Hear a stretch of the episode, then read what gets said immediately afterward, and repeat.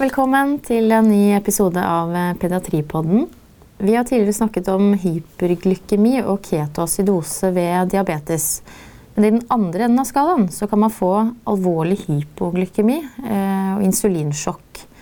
Hva er hypoglykemi, og hvem av diabetikerne våre bør man være spesielt oppmerksomme på?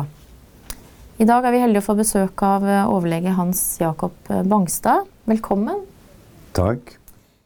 Vil du fortelle litt om din lange pediatriske bakgrunn? Eh, jeg startet eh, barnelegeutdannelsen i Bodø for snart 40 år siden. Og eh, etter tre-fire år der oppe gikk turen til Aker sykehus, som i denne sammenheng kan nevnes at var liksom diabetes høyborgen, etter vår mening. I hvert fall i Oslo.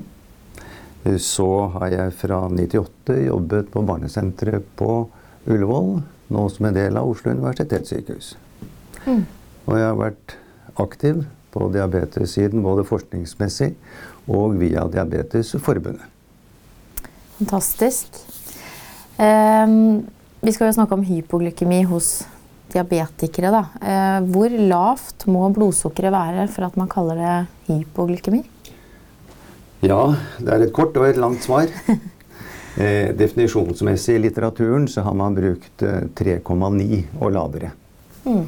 Eh, det har vist seg at i forskning så er det lite hensiktsmessig, fordi de fleste av oss som også ikke har diabetes, har jo rett som det er verdier ned mot tretallet. I hvert fall 3,5. Og noen ganger enda lavere.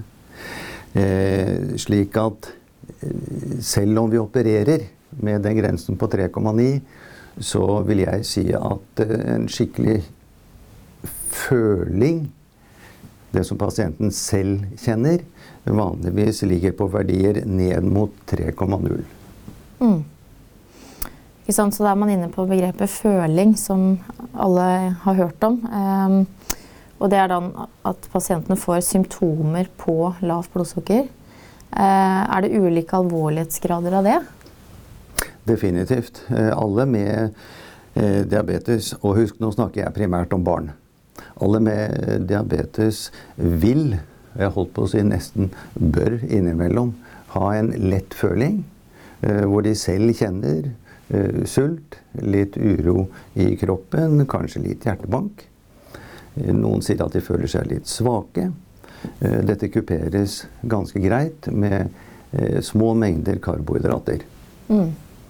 Men føling, det er jo en subjektiv sak på mange måter, i tillegg til de objektive forandringene. Som lett eh, svetting, manglende konsentrasjonsevne, eh, blekhet. Mm. Eh, er det noen spesielle symptomer som man ser bare ved når det blir mer alvorlig? enn med ja, man kan tenke symptomer. seg, hvis du beveger deg nå er jeg veldig, nå forenkler jeg, men eh, ved et blodsukker på tre og lavere, kanskje ned mot uh, to, da kommer jo den kognitive delen for fullt inn. Mm. Med nedsatte kognitive funksjoner. Og du legger nesten opp til helt ned til insulinsjokk. Ja. Såkalt alvorlig hypoglykemi. Da er det jo også et uh, bevissthetstap. Ja. Eventuelt med, med kramper. Ja, nettopp. Ehm, ved hvor lavt blodsukker får pasienter med diabetes symptomer? Det vil variere. Eh, grovt sett så starter nok de hormonene som igjen prøver å føre til eh, blodsukkerstigning, eh, når du går ned mot 3,5. Kanskje litt før, uten at man har symptomer. Hvis du har ligget høyt i blodsukker, mm. gjennom litt lengre tid, så får du føling på høyere verdier. Og i tillegg, hvis blodsukkeret faller fort, så ser det ut som det kan bety litt. Mm. Og så er det veldig individuelt. Det er forskjell på de som er dårlig regulert, og de som er bra regulert. Delvis eh, antydet jeg det. Det viktigste er nok likevel å stresse hvor individuelt det kan være. Mm. Vi har jo de som spiller et flott pianostykke med et blodsukker på 2,5. Men hva er da Det er jo ikke alle som merker at de har eh, lavt blodsukker. Da er det noe som heter hypoglykemi unawareness. Ja. Hva, hva er det? Eh, Det er eh, et for så vidt veldefinerte begrep, og du har nesten sagt det selv. Eh, Ved verdier som hos andre eh, gir symptomer, eh, så merker ikke pasienten det selv, men omgivelsene vil merke det. Ja. Eh, På atferd f.eks., også særlig den kognitive delen. Mm. Og det er jo potensielt skummelt. Det ser vi veldig sjelden hos barn. Okay. Dette er nok mer et voksenproblem. Mm. Hvem er det som er i særlig risiko for det, da? Det er eh, hvis du har eh, i lengre perioder, og forskningsmessig så har det nok vist seg at eh, det er de som om natten ligger på jevnt lave verdier. Mm. Dette vil jo slå ut også gjennomgående i en lav HbA1c. Eh, Ja. Slik at når du spør om risikogruppe, så er det de som er strengt, for ikke å si for strengt regulert. Vi har jo ikke så rent få barn og ungdom eh, som kjører seg selv veldig hardt for å unngå høye blodsukker. Ja. For ikke å snakke om foreldre som kjører barna ja. tøft. Så, men det er jo ikke da så vanlig hos barn. Men hvis eh, man har et barn som eh, ikke kjenner så mye til symptomene, kan man gjøre noe, noen tiltak for at kroppen igjen gjenvinner den Ja, det har vist seg at ved å mm, heve eh, blodsukkernivået eh, over tid, så vil en del av de funksjonene som er knyttet til glukagon, eh, kortisol, adrenalin, Mm. bedres. Ehm, Sånn innledningsvis så stilte jeg spørsmålet hvem vi skulle være mest oppmerksomme på. Hvem av diabetikerne er i særlig risiko for uh, alvorlig hypoglykemi? Ja, vi har jo eh, Allerede nå så kom jeg inn på et kjernepunkt. Du sier alvorlig hypoglykemi. Eh, og eh, man har i mange år, basert på forskning, gammel forskning, eh, snakket om risikoen for persisterende hjerneskader mm. ved gjentatte insulinsjokk. Mm. Eh, holdepunktene for dette er betydelig svekket. Og ikke minst fordi at man hadde ikke trukket inn hvorvidt de samme pasientene hadde dårlig blodsukkerregulering i betydning høy HbA1c. Og det er kanskje den faktoren som er viktigst for den kognitive utviklingen på lang sikt. Så vi er ikke så redde for selv insulinsjokk i dag som vi var. Mm.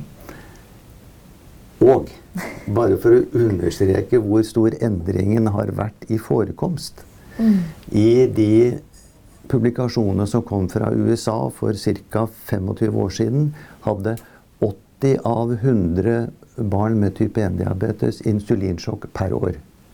Nå er vi nede i 2,5 per 100. Oi. Og de moderne hjelpemidlene med pumpe, sensor osv.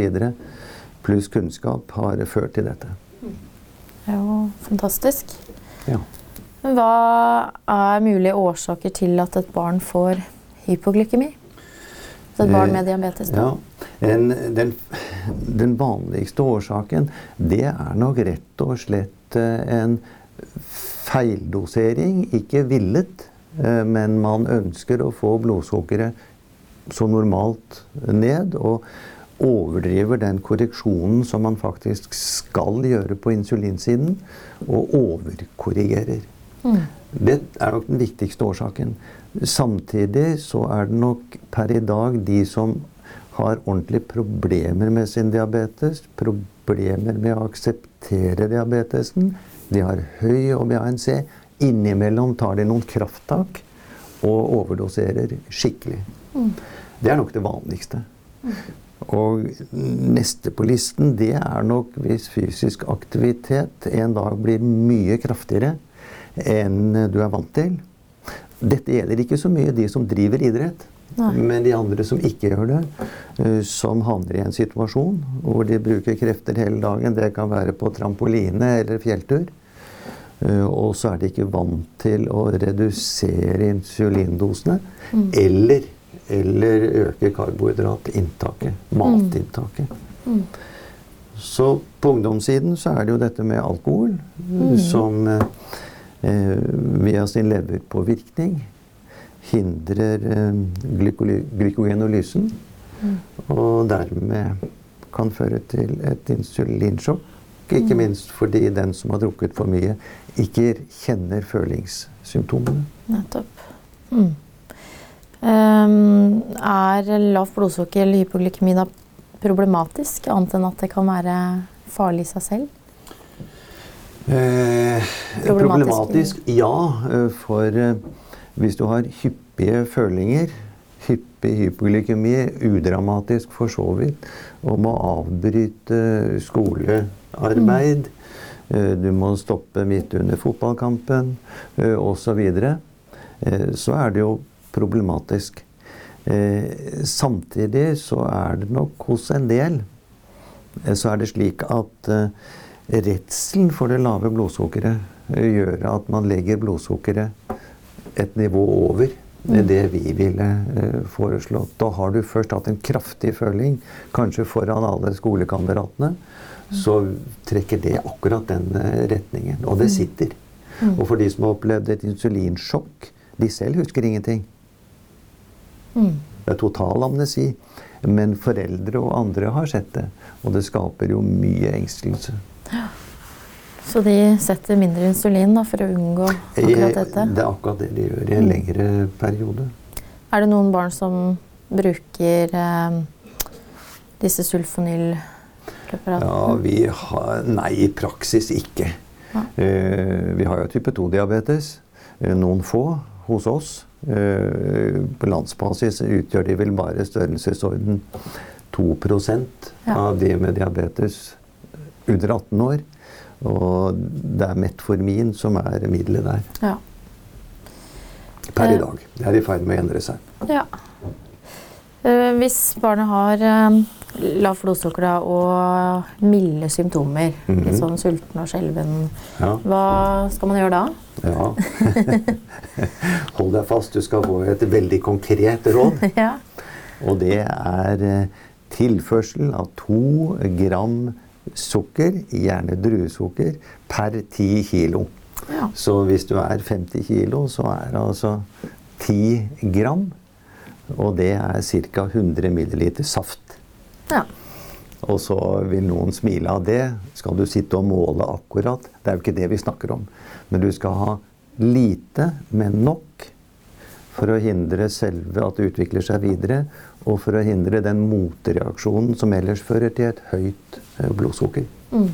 Så finner noen ut at de heller vil ta sjokolade. Det må de gjerne gjøre, men det virker dårligere. Sjokolade inneholder mye fett, langsommere oppsugning. Sant.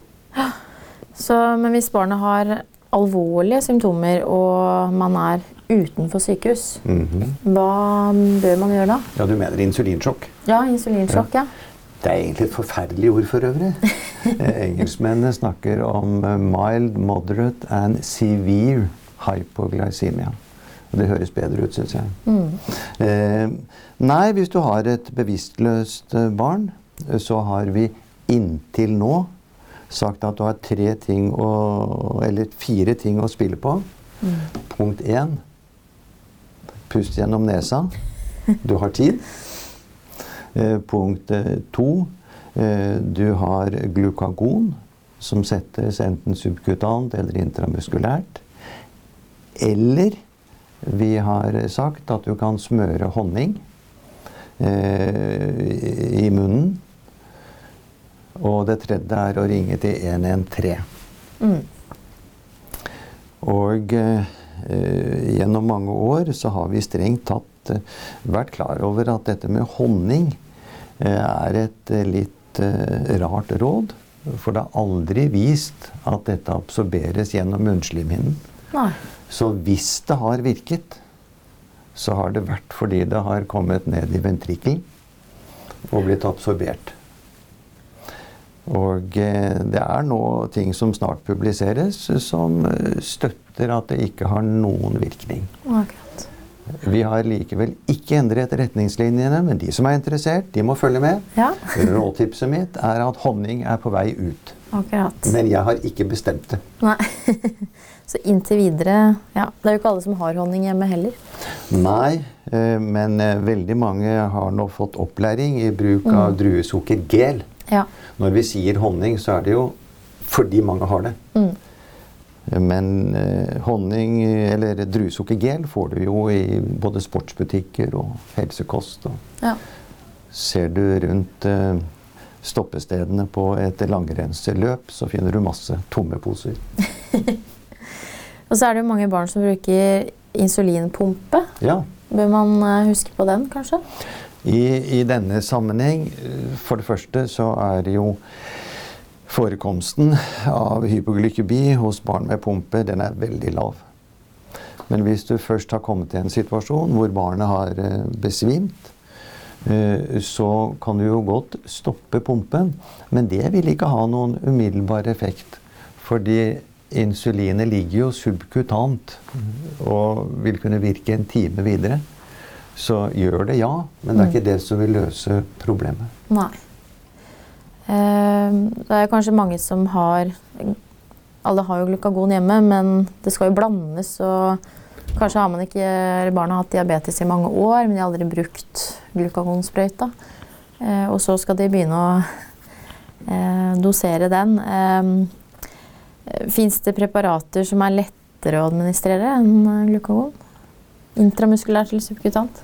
Ja, eh, det skal jeg svare ordentlig på, men først tilbake til pennen. Du har Ja. helt rett. Eh, det er så sjelden med insulinsjokk eh, i våre dager at når folk skal bruke den, så klarer de ikke Mm. å få det til. Eh, vi sier at når de kaster glukagonsprøyten, den har holdbarhet på et år, så skal de finne den frem og trene. Ja. Det glemmer 99 Eh, Du spør om bedre måter å gjøre det på. Ja, det kommer eh, på markedet en eh, nasal ja. eh, tilførsel som visstnok skal være god. Eh, Og eh, selv ved et snørrforkjølet barn skal effekten være tilfredsstillende. Eh, Hvor fort dette kommer til Norge, det kan jeg ikke svare på nå. Vi får holde oss oppdatert. Ja. Ehm, og ja, mange med alvorlig hypoglykemi kommer jo da inn på sykehus. eh, Ja. ja. Ikke mange, de få. De få det er snakk om. Eh, hva gjør man da når de kommer inn døra på sykehuset? Nei, det er jo intravenøs tilgang av glukose, eh, Ja. rett og slett. Og eh, følge den veiledningen som står. Ja. Huske på alder Og hvis glukagon ikke er satt, bør man eh, sette det også? Eller kommer man Nei, eh, da syns jeg hvis du først har kommet på sykehus, så er det bortkastet. Ja. Eh, Særlig fordi at ikke rent få reagerer på glukagonen og blir kvalme. Og hvis det da på forhånd er rett og slett satt altfor mye insulin, og du har et barn som du får over kneika, men så begynner å kaste opp, så har du jo et problem. Hvis ikke du har inneliggende glukosedrypp. Og det er nok også en av grunnene til at vi, for å hoppe tilbake til honningen, har anbefalt det. Det viser seg nok at de fleste barna ville våkne til løpet av ikke så veldig mange minutter uansett. Ja. I dag, hvor det er få som bruker store mengder langtidsvirkende insulin. Ehm, så hvis eh, Foreldre har jo gjerne telefonnummeret til avdelingen og, og ringer ved spørsmål, men hvis de ringer til sykehuset da, fordi barna har hatt symptomer på ja, moderat til alvorlig hypoglykemi, og de har klart å sette glukagon og barna har begynt å kvikne til, eh, må alle de inn? Nei, absolutt ikke. Nei. er foreldrene vet når barnet er seg selv. Mm. Eh, og det er, har ingen hensikt. Og i de tilfellene hvor 113 er eh, tilringt, og de kommer jo fort, så er det ikke sjelden at barna har våknet før de kommer. Ja. Og, men hvordan kan man da som lege bidra til å redusere risikoen for uh, hypoglykemi? Ja, det er uh, forebygging, Mm. gode uh, kunnskaper. Eh, og det er vel det viktigste. Det er jo da, som du har sagt, farligere å få alle de senkomplikasjonene man kan få ved å gå med for høyt blodsukker over Ja, hvis man kan eh, sette de tingene opp mot hverandre, så er det et budskap som ikke er mitt, men som er hele internasjonale fronten i pediatrien, eh, i dia pediatrisk diabetologi. Det er at insulinsjokk er på langt nær så potensielt skummelt som man har trodd. Mens det er langvarig hyperglykemi gjennom flere år som øker risikoen også for cerebrale komplikasjoner. Tusen takk, eh, Hans Jakob Mangstad. Nå tror jeg vi trenger et glass saft. og eh, vi må avslutte med tre take home messages eh, til våre lyttere. Ja. Eh, Først og fremst så vil jeg igjen understreke at eh, alvorlig hypoglykemi i betydning et skikkelig insulinsjokk er på langt nær så skummelt som mange har for seg. Dette i motsetning til å gå med gjennomgående høyt blodsukker i mange år, som igjen kan påvirke kognitive funksjoner. For å unngå alvorlig hypoglykemi, så er det jo forebygging som står helt eh, sentralt.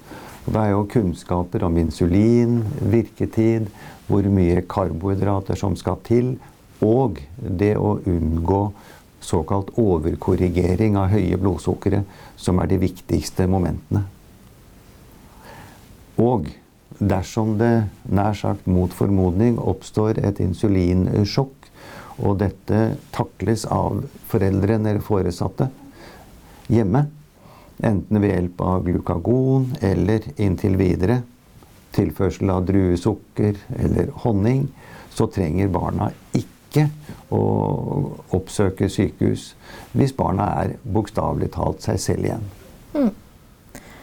Kjempeoppklarende, og tusen takk, eh, Hans Jakob Bangstad, for at du ville dele dette med oss. Vær så god.